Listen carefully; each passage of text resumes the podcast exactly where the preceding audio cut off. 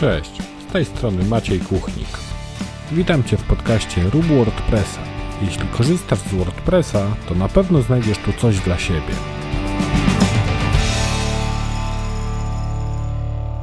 Cześć, witaj w 36. odcinku podcastu Rób WordPressa. Ten odcinek będzie pewnego rodzaju kontynuacją odcinka 29, w którym rozmawialiśmy o tematach związanych z SEO. Zanim przejdziemy do rozmowy, udostępnij ten odcinek podcastu swoim znajomym, poleć go gdzieś dalej, tak aby dotarł do jak największej liczby osób. Zasubskrybuj także ten podcast w swojej ulubionej aplikacji podcastowej. A teraz zapraszam do rozmowy z Tomkiem Kołkiewiczem. Cześć Tomek, witaj ponownie w moim podcaście.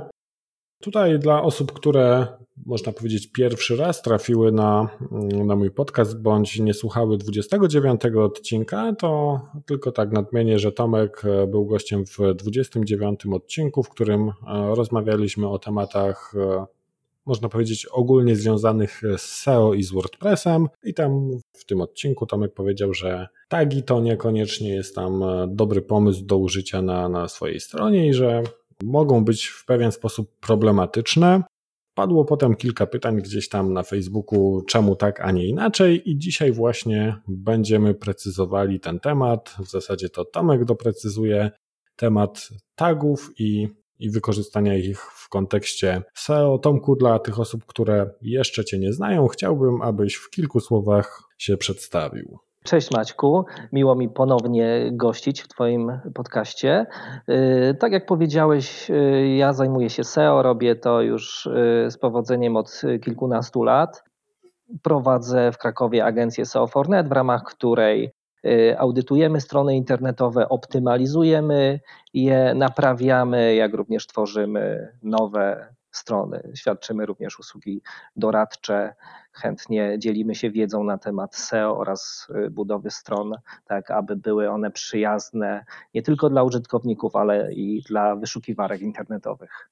Rozumiem. Dzięki za to krótkie wprowadzenie. Teraz y, chciałbym, żebyś powiedział nam trochę więcej właśnie na temat tych tagów, czyli skąd w ogóle te tagi i w WordPressie, i w internecie.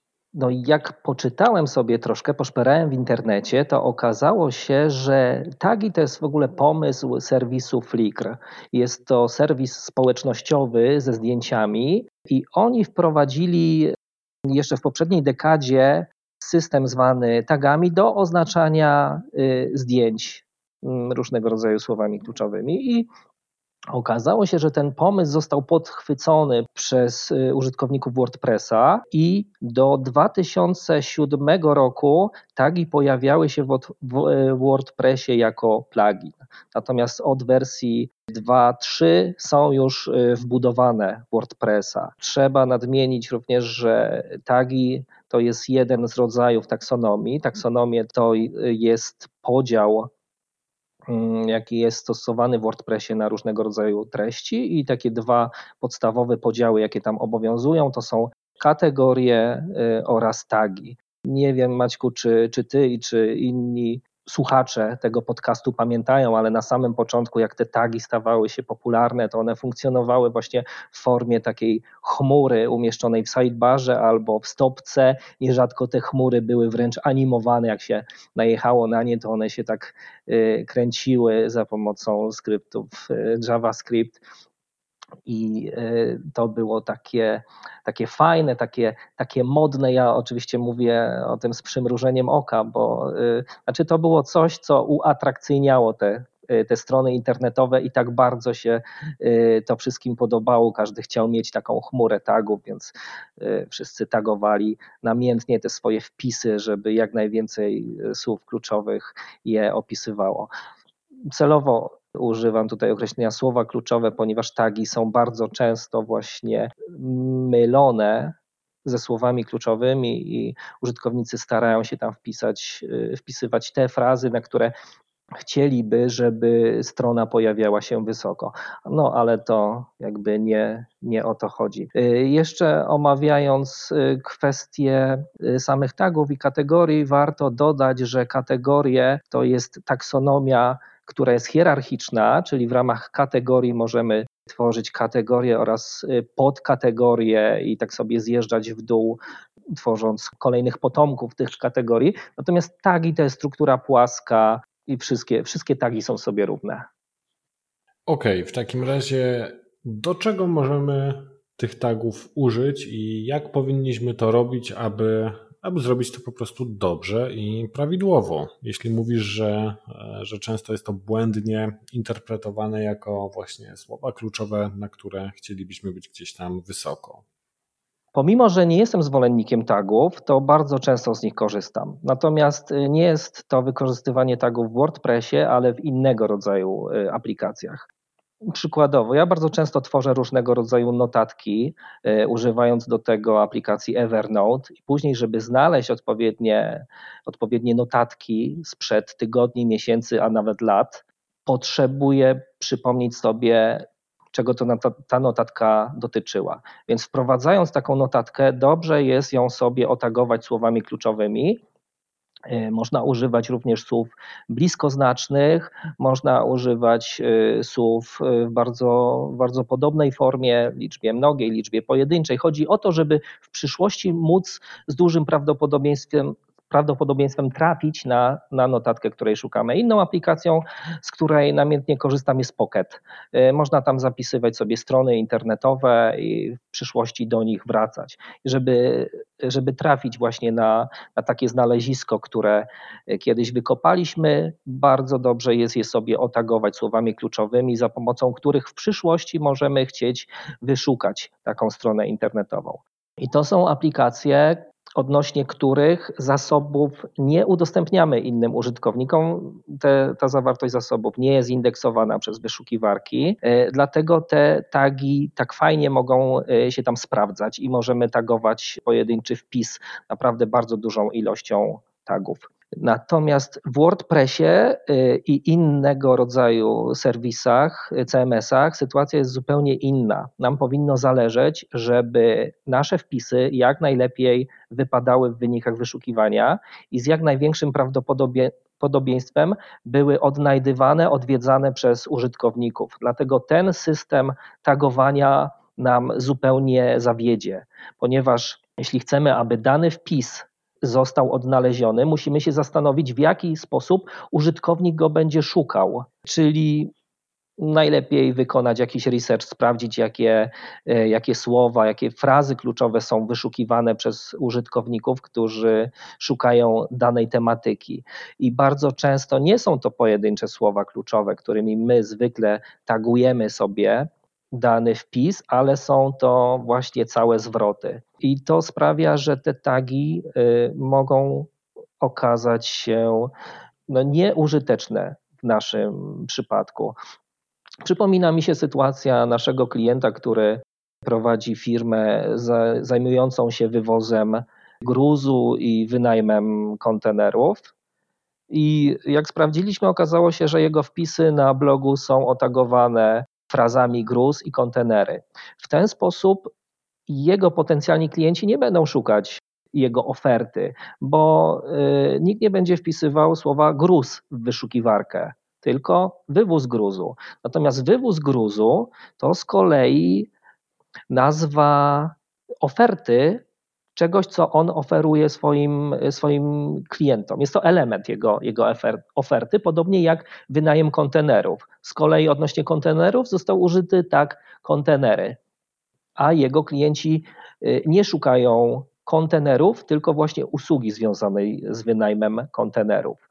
Z kolei, jeśli byśmy chcieli wykorzystać właśnie tagi, na które użytkownicy mogą szukać jego oferty, to doprowadzimy do sytuacji, która nazywa się kanibalizacją, czyli jego oferta dotycząca wywozu gruzu bądź wynajmu kontenerów będzie rywalizowała ze stroną docelową tagów o tej samej nazwie wywóz gruzu, wynajem kontenerów. I do takiej sytuacji doprowadzać nie można. Jeśli mamy w serwisie jakieś strony docelowe, które staramy się zoptymalizować pod kątem wyszukiwania przez użytkowników, nie możemy tworzyć żadnych innych taksonomii, czy to kategorie, czy tagi, które będą miały y, zbliżoną nazwę. ponieważ zależy nam, żeby użytkownik, który wpisuje dane słowa kluczowe, trafił właśnie na, na stronę z ofertą, czyli informacją, w jaki sposób zamówić tę usługę, ile ona kosztuje i wszelkie inne informacje na ten temat. Gdybyśmy nie mieli z kolei takiej strony docelowej, no to oczywiście istnienie kategorii bądź tagów o tej nazwie miałoby sens. Natomiast w takiej sytuacji należałoby zadbać, żeby taka strona docelowa y, tych tagów bądź kategorii była odpowiednio zoptymalizowana, czyli nie zawierała tylko i wyłącznie wpisów na dany temat, ale również odpowiednie wprowadzenie do, do oferty. Ale y, wiem, że na ten temat ten temat będzie poruszany jeszcze w kolejnych pytaniach, więc nie będę uprzedzał tutaj. E, okej, okay, no to w takim razie, jeśli nie tagi, to co? To jest bardzo dobre pytanie. Jeśli nie tagi, to może jakieś, jakieś inne taksonomie. Ważne jest, żeby stworzyć sobie odpowiednią strukturę, która pozwoli trafiać na, y, na właściwe, dobrze przygotowane strony docelowe przez potencjalnych y, użytkowników. Więc znowu trzeba zadać sobie pytanie, w jaki sposób oni będą szukać tej naszej tej naszej oferty y, bądź, y, bądź zawartości. No, może posłużę się y, jakimś przykładem. Bardzo często stawia się na WordPressie różnego rodzaju blogi kulinarne z przepisami. No i tam oczywiście stosuje się, się różnego rodzaju tagi, które zawierają słowa kluczowe z różnych dziedzin, z różnych systemów podziałów. Więc na przykład można spotkać blogi, gdzie w tagach znajdują się y, zarówno produkty wykorzystywane do, y, w danym przepisie, czyli na przykład jajka, marchewka, groszek, wołowina, wieprzowina, drób i tak dalej. I to już powoduje, że takie otagowanie zacznie nam się kanibalizować. Drób z kurczakiem, y, dajmy na to, jajko z jajkami, z jajami, z jajem. Widziałem taki, takiego bloga, gdzie właśnie jajka były y, określone czterema różnymi słowami kluczowymi. Oczywiście możemy w tagach znaleźć również różnego rodzaju kuchnię, e, tradycyjną kuchnię polską oczywiście, kuchnię chińską, która będzie nam się kanibalizować z kuchnią e, orientalną, kuchnię włoską i tak dalej, i tak dalej. I jak zbudujemy sobie właśnie tagi przy użyciu takich różnych e, systemów podziałów, no to te jajka będą nam się stać obok kuchni chińskiej, obok gotowania, smażenia, pieczenia, obok potraw przygotowywanych w 5 minut i tak dalej. Czyli wszystko będzie w jednym miejscu, na jednej liście i ciężko będzie znaleźć cokolwiek sensownego. Dlatego jeśli chce, chcielibyśmy stworzyć przyjazny serwis dla użytkowników, powinniśmy się zastanowić, jakie systemy podziałów będą y, dla nich właściwe. Czyli jeden system to może być, y, to mogą być podziały na produkty, Inny system to, może być, y, to mogą być podziały na różnego rodzaju kuchnie świata inna grupa podziałów, czyli taksonomii, y, to mo może być sposób przyrządzania, czyli jak będziemy przyrządzać te, te potrawy, czy będziemy je gotować, smażyć, piec, czy wykorzystywać, nie wiem, czy grillować na przykład. Jakie mogą być jeszcze y, systemy podziałów? Na przykład prostota przygotowania. Czy to jest danie y, proste, trudne, skomplikowane do, do przygotowania, inny podział, ile wymaga czasu, czy przygotujemy je w ciągu kwadransa, czy wymaga dwóch godzin na przykład na, na przygotowanie. I taki system podziałów będzie znacznie przyjaźniejszy dla użytkownika. To raz, będzie miał ułatwiony sposób nawigacji po serwisie. Natomiast druga sprawa, bardzo istotna, jeśli stworzymy sobie takie, takie systemy taksonomii, to będziemy je widzieć podczas uzupełniania wpisu, ponieważ będą nam się wyświetlać w sidebarze naszego WordPressa w panelu edycji i nie zapomnimy pozaznaczać wszystkich, y, wszystkich możliwości, które będą adekwatne do danego przepisu, bo będziemy widzieli, że tutaj musimy oznaczyć wszystkie produkty, które wymieniliśmy w tym przepisie. Tutaj musimy oznaczyć, jakiego rodzaju jest to kuchnia. W kolejnym podziale, jak bardzo jest to skomplikowany przepis i tak dalej, i tak dalej. Natomiast jeśli mielibyśmy to opisać za pomocą tagów, no to no przyznasz, e, że, że sprawi nam to bardzo dużo trudności, bo nie będziemy wiedzieli, jakie tagi już stworzyliśmy i na pewno o wielu również e, zapomnimy. Czyli zamiast jakby ładować wszystkie, e, wszystko do jednego worka i opisywać te nasze już właśnie wspomniane na przykład przepisy tagami, można powiedzieć, z różnych dziedzin, ale ładowanymi właśnie do jednego worka jako tagi, warto dodać właśnie bardzo różne taksonomie. I teraz pytanie tak, dodaję sobie te taksonomie, czy to w kodzie, czy za pomocą wtyczki. I co dalej? Czy na przykład istotne jest to, żeby gdzieś tam e, ta dana taksonomia była wypisana tak jak na przykład tagi pod danym wpisem, czyli jeśli czytam sobie jakiś wpis, na samym dole widzę całą tą klasyfikację według tych różnych taksonomii, czy na przykład wystarczy to, że te taksonomie będą miały widok archiwów, czyli na przykład właśnie jakieś tam potrawy, które są e, łatwe do przygotowania, czy załóżmy są do przygotowania w 30 minut, czy według, według tam jeszcze jakiegoś tego innego podziału. Co jeszcze musimy zrobić, mając na przykład bloga kulinarnego, korzystając na chwilę obecną z tagów, no ale chcielibyśmy sobie poprawić tą sytuację. O czym oprócz dodania tych e, taksonomii musimy jeszcze pamiętać? E, należy zwrócić uwagę, e, czego może szukać użytkownik, który trafi na e, naszą stronę docelową, na przykład kuchnia chińska, prawda? Naszym celem jest przedstawić mu nasze przepisy, które zgromadziliśmy na, na blogu, które odnoszą się do kuchni chińskiej. Natomiast ten użytkownik może niekoniecznie szukać e, przepisów, może chcieć dowiedzieć się, na czym polega kuchnia chińska. Dlatego bardzo dobrym rozwiązaniem będzie przygotowanie jakiegoś wprowadzenia e, na, na, takiej, e, na takiej stronie taksonu kuchnia chińska. Czyli czym jest kuchnia chińska, na czym ona polega, jakie jaka jest specyfika tej, tej kuchni, jakie są najczęściej używane produkty, przyprawy itd., tak itd. Tak takie, takie ciekawostki. Dzięki temu będziemy mogli zbudować y, tak zwany topical authority, czyli y, pokazać wyszukiwarce, że zgromadziliśmy wartościowy content na dany temat i nie tylko potrafimy opowiedzieć o tym, czym jest kuchnia chińska, ale poniżej również mamy bardzo fajne przepisy odnoszące się do kuchni chińskiej.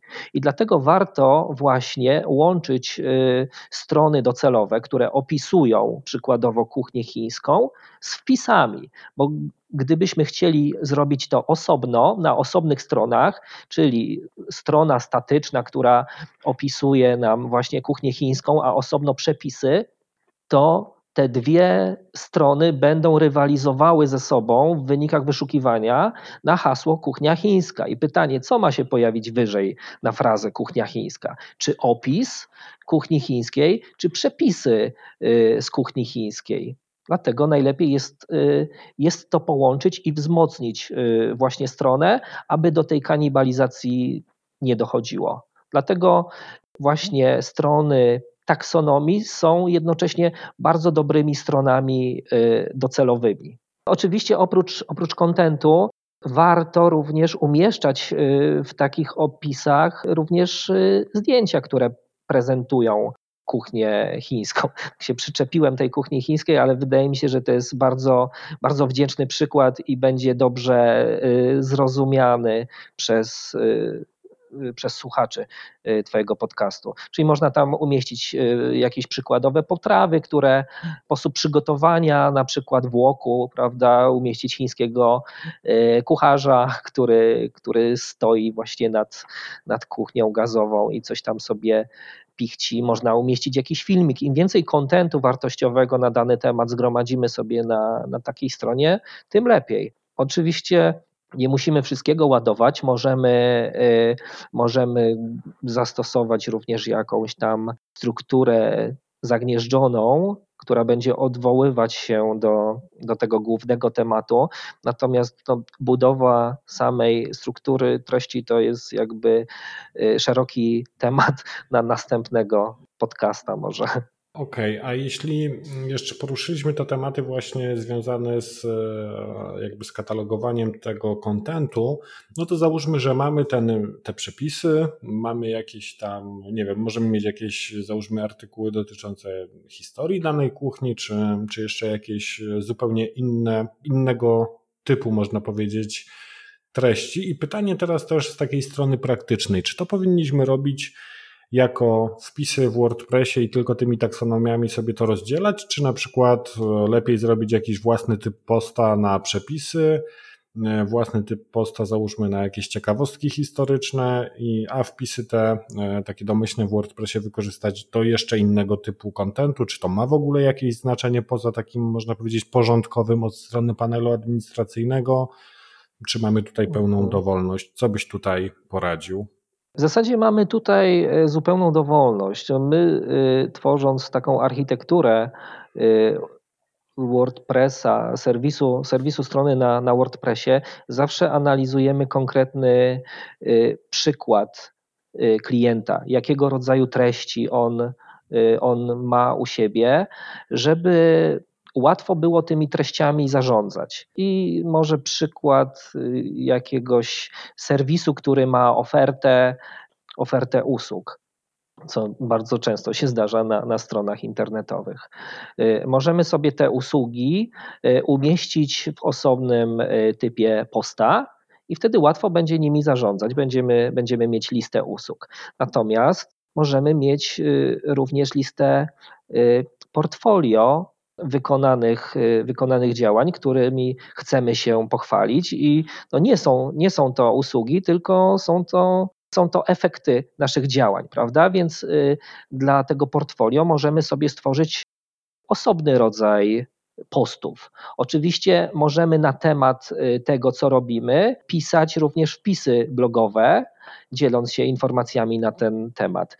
I to wszystko możemy spiąć tymi samymi taksonomiami, ponieważ y, y, zarówno usługi, jak, y, jak i portfolio, jak i, jak i wpisy blogowe mogą dotyczyć tych samych rzeczy. Jeśli je zepniemy tymi, tymi samymi taksonomiami, łatwo nam będzie wyświetlić wszystkie informacje na stronie jednej taksonomii. Czyli jak wejdziemy sobie na daną taksonomię, to posłużmy się tym wywozem gruzu na samym początku będziemy mieć informacje związane z ofertą. Tak, my jesteśmy firmą, która zajmuje się wywozem gruzu, robimy to tak y, i tak. Zobacz nasze realizacje i przechodzimy do portfolio. Tutaj wywieźliśmy dwie tony gruzu na przykład z takiego remontu, a tutaj y, wywieźliśmy 5 ton gruzu z takiej budowy i tak dalej, i tak dalej. I to już jakby uwiarygadnia danego klienta. Mało tego, poniżej chcesz się dowiedzieć więcej na temat wywozu gruzu,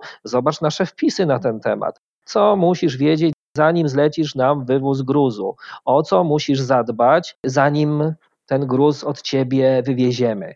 Jaki gruz możemy wywozić? I tak dalej, i tak dalej. I wtedy mamy zagregowaną stronę, która zawiera wszystkie informacje na temat wywozu gruzu i one są dostępne y, w jednym miejscu i użytkownik nie musi się wtedy zastanawiać. No dobra, oni zajmują się tym wywozem gruzu, ale gdzie znajdę jakieś tam informacje, jak, jak to robią, co, co zrobili i czy rzeczywiście warto im zaufać, albo czy mają odpowiednią wiedzę na, na ten temat. I jeśli to wszystko zbierzemy, to tak jak mówiłem wcześniej, budujemy odpowiedni topical authority, pokazujemy, że mamy dużo informacji na temat wywozu gruzu i warto, aby nasza, nasza podstrona na ten temat pokazała się wysoko w wynikach wyszukiwania. Dobrze, a budując sobie na przykład taką podstronę mm, danej taksonomii, załóżmy, mamy tutaj e, ten wywóz gruzu, który już przywołałeś, czy oprócz oczywiście nazwy danego taksonu, Takson, dobrze mówię, tak? Mhm, tak. Takson, takson, czyli element, y, y, element taksonomii, tak. Czy oprócz, nie wiem, nazwy powinniśmy tam jeszcze zawrzeć jakiś ogólny opis i tak już bardziej technicznie podchodząc, na przykład jaką powinniśmy mieć strukturę nagłówków, tak? Czy nazwa tego taksonu to na przykład będzie H1, a potem tytuły konkretnych artykułów to będą na przykład H2, jak, jak tutaj podejść od takiej troszkę już bardziej technicznej strony, jeśli na przykład chciałbym sobie coś takiego zrobić i zastanawiałbym się właśnie, jak to powinno być rozwiązane tak technicznie, aby było jak najlepiej. To oczywiście zależy, y, jak, jaką deklarację kodu wykorzystamy. Gdybyśmy korzystali z, y, z wcześniejszych y, deklaracji typu XHTML, mielibyśmy do wykorzystania tylko jeden nagłówek H1, ponieważ ten, ta deklaracja nie jest tak semantyczna jak wprowadzony później HTML5. Natomiast mając do dyspozycji HTML5, mamy dodatkowe Y, bloki semantyczne, które określają bardziej niż standardowy div, czym jest dany element. Czy to jest article na przykład, czy, czy section, czy header, czy footer y, i tak dalej. I możemy sobie tych H1 tak naprawdę dać więcej.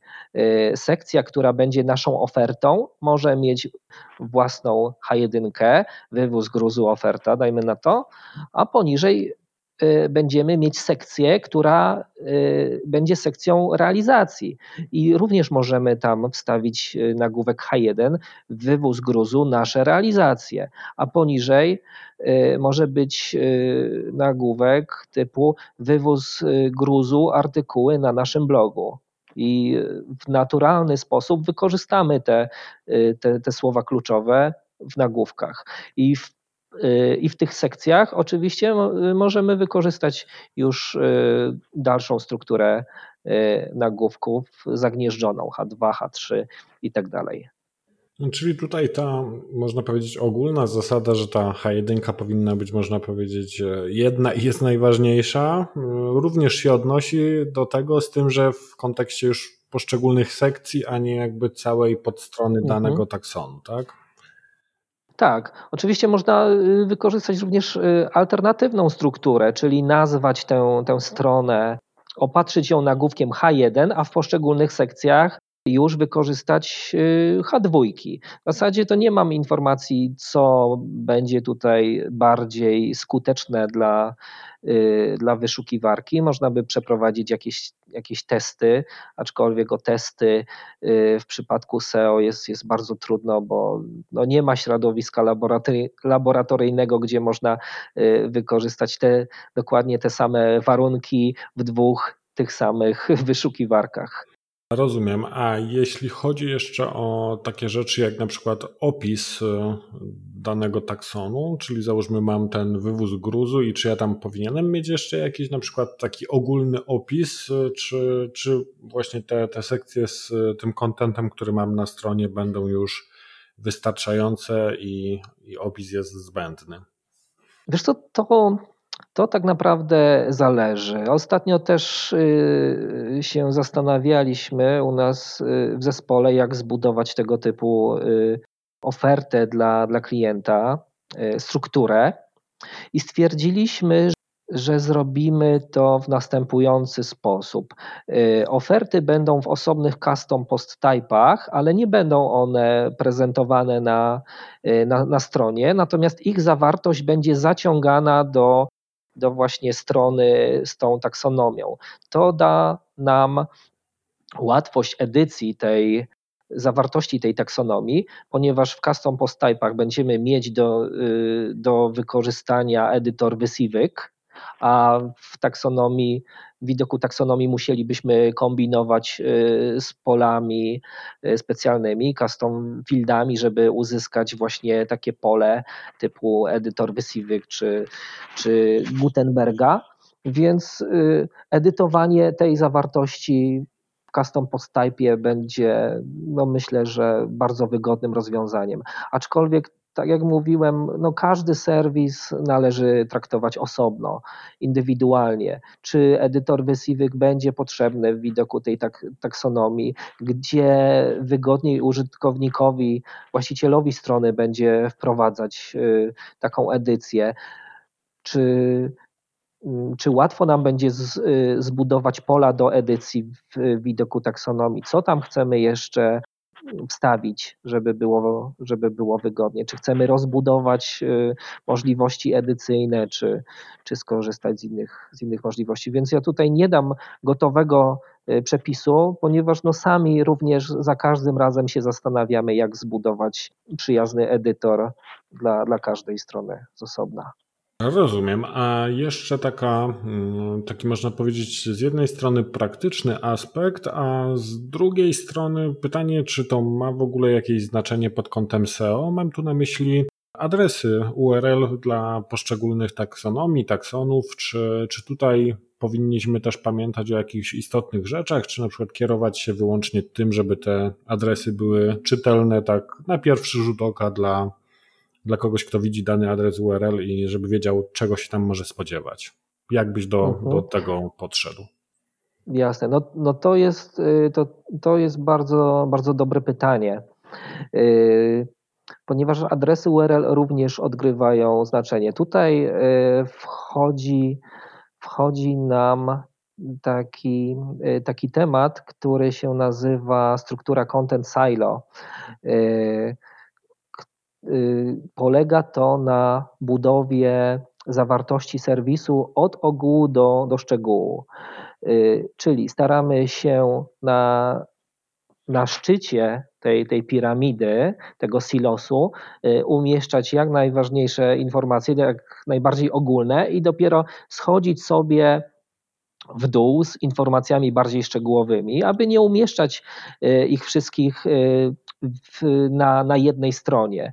To mm, stoi w, w opozycji do y, takiej, takiej teorii, której ja nie podzielam, że artykuły powinny być długie na, na stronie, żeby zawierały dużo treści y, i wtedy Google będzie je dobrze widział. Nie, to serwis ma być bogaty w treści, a nie dany artykuł. Dany artykuł ma za zadanie przedstawić taką zawartość, jakiej szuka y, w tym momencie użytkownik.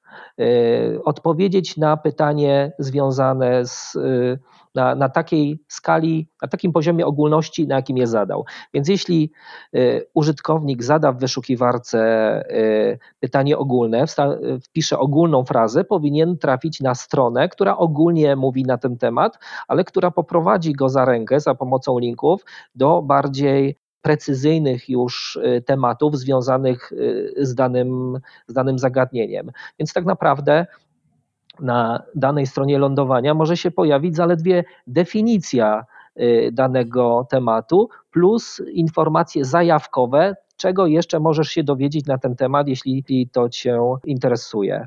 Struktura URL również wpisuje się w koncepcję content, content silo, ponieważ tę strukturę Content Silo możemy budować y, w dwojaki sposób. Właśnie za pomocą adresów URL, jak i za pomocą linkowania. Za pomocą linkowania robi się to y, bardzo prosto, ponieważ od y, informacji ogólnych linkuje się do bardziej szczegółowych i odwrotnie. Więc widać jakby ten, ten, ten, ten przebieg, ten, ten, ten rozdział tematów na, na całą strukturę. Natomiast trudniej jest to uzyskać za pomocą adresów URL, czasami jest to wręcz, y, wręcz niemożliwe. Ja bym zalecał, żeby po prostu pilnować, żeby najważniejsze tematy się pojawiały zaraz po pierwszym slashu i bardziej, bardziej precyzyjne były y, umieszczone w zagnieżdżeniu tychże tematów, więc w przypadku taksonomii hierarchicznych nie będzie z tym y, żadnego problemu, żeby, żeby to uzyskać. Natomiast nie musimy się martwić, jeśli wpis, który, który przygotujemy, nie pojawi nam się jakby na końcu tego ciągu, ciągu slagów, bo w przypadku taksonomii tego się nie da zrobić po prostu. To jest możliwe tylko i wyłącznie w przypadku kategorii. Natomiast y, y, dla budowy struktury content silo najważniejsze jest, y, jest linkowanie, a same adresy URL mają znaczenie drugorzędne. Wystarczy, że zbudujemy je w sposób przyjazny, aby użytkownik zorientował się w, w strukturze, po prostu w którym miejscu on się znajdzie, czy gdzieś na, na początku czyli wyląduje w temacie ogólnym, czy, czy bardziej precyzyjnie wyjaśniającym pewne kwestie. Tomku, przeszliśmy tutaj przez, e, można powiedzieć, wiele aspektów, e, zarówno e, tagów, customowych taksonomii, jak i zahaczyliśmy o techniczne tematy. Czy jest tu jeszcze coś, o czym powinniśmy pamiętać? Być może są jakieś pułapki, z którymi możemy się spotkać, w, chcąc wdrożyć właśnie taką strukturę na swoją stronę, jeśli tutaj mógłbyś się jeszcze podzielić swoim doświadczeniem w tym temacie. Mhm. Tak, myślę, myślę, że są takie, takie kwestie, które można by było poruszyć, natomiast to są, y, to są zagadnienia, które pojawiają się w przypadku już naprawdę y, dużych, dużych serwisów, które zgromadziły dużą ilość y, treści. Więc no, zaprojektuję tutaj jakiś przykład, żeby on był dobrze zrozumiały. Wyobraźmy sobie bloga kulinarnego, który zgromadził w swoim serwisie setki, a nawet tysiące przepisów. Stworzyliśmy fajne taksonomie, za pomocą których można tych przepisów wyszukiwać y, według rodzajów kuchni, według y, y, składników potraw, według trudności przygotowania i no, można stwierdzić, super, fajnie, fajnie mogę znaleźć sobie przepisy w tym serwisie.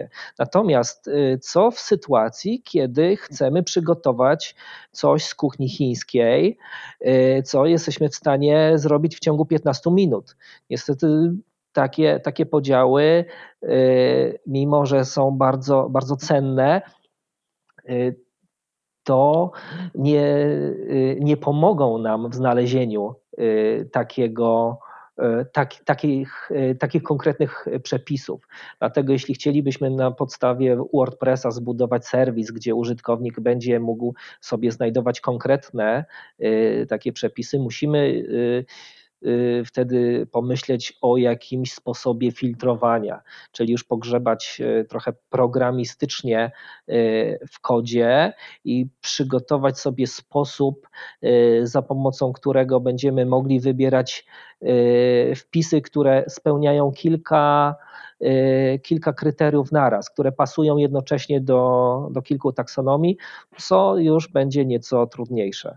I przygotowując właśnie takie systemy filtrowania, warto się również zastanowić, czy takie bardzo konkretne wyszukiwania użytkowników y, pojawiają się również w wyszukiwarce y, Google. Czy użytkownicy szukają na tyle precyzyjnie, że powinniśmy sobie stworzyć konkretne strony lądowania. No, trzeba pamiętać, że wyniki y, nawigacji fasetowej, czyli, czyli filtrowania, Y, sortowania wyników nie powinno się y, indeksować, ponieważ sprawiają, sprawia to pewne, y, pewne problemy. Tworzą, tworzą się tysiące wariancji wyników i Google sobie, Google sobie z tym nie radzi, no i też nie ma sensu marnować zasobów Google. Natomiast warto przeanalizować, zrobić sobie odpowiedni research, czego szukają użytkownicy, i zastanowić się, czy filtrowanie, czy może jakieś bardzo zagnieżdżone kategorie, które będą stronami docelowymi. Czyli również w tym przypadku można to chyba podsumować takim stwierdzeniem, które bardzo często pada.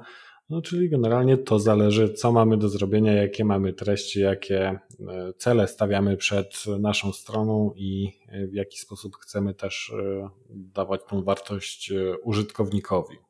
Mhm, otóż to. Na WordPressie generalnie można zbudować, y, myślę, że prawie wszystko, ale trzeba się naprawdę pochylić wcześniej, żeby przygotować, zaprojektować odpowiednią architekturę, żeby, żeby to miało ręce i nogi, dawało korzyści użytkownikom, no i oczywiście fajnie się to wszystko indeksowało w wynikach wyszukiwania.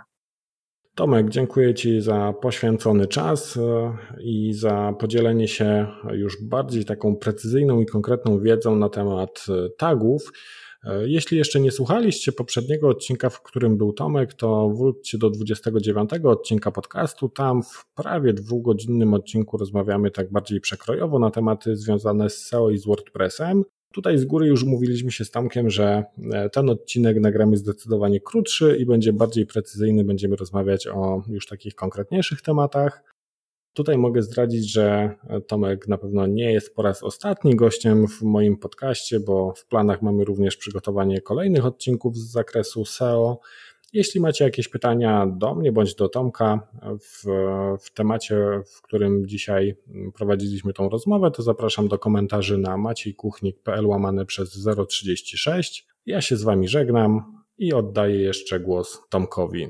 Jeszcze raz Maćku dziękuję za zaproszenie. Było mi bardzo miło porozmawiać o, o tagach i taksonomiach, ponieważ y, jest to mój konik. Y, zachęcam również, gdybyście chcieli dowiedzieć się jeszcze jakiejś informacji na, na ten temat, to zapraszam do y, obejrzenia mojej prezentacji na SlideShare pod tytułem Taksonomię stosujesz, zyskujesz. Jest to prezentacja Y, z WordCampa, który odbył się w Lublinie. Y, jest również nagranie na WordPress TV, gdzie można y, sobie tę prezentację obejrzeć na wideo. A jakbyście chcieli w łatwy sposób trafić na, na tę prezentację, to wystarczy w Google wpisać słowo taksonomię bądź taksonomia. Ten obrazek, który się pojawi jako, jako pierwszy w wynikach wyszukiwania, zaprowadzi Was wprost do prezentacji na SlideShare. Także dziękuję za uwagę, pozdrawiam. Dzięki, do usłyszenia i widzimy się w kolejnym odcinku.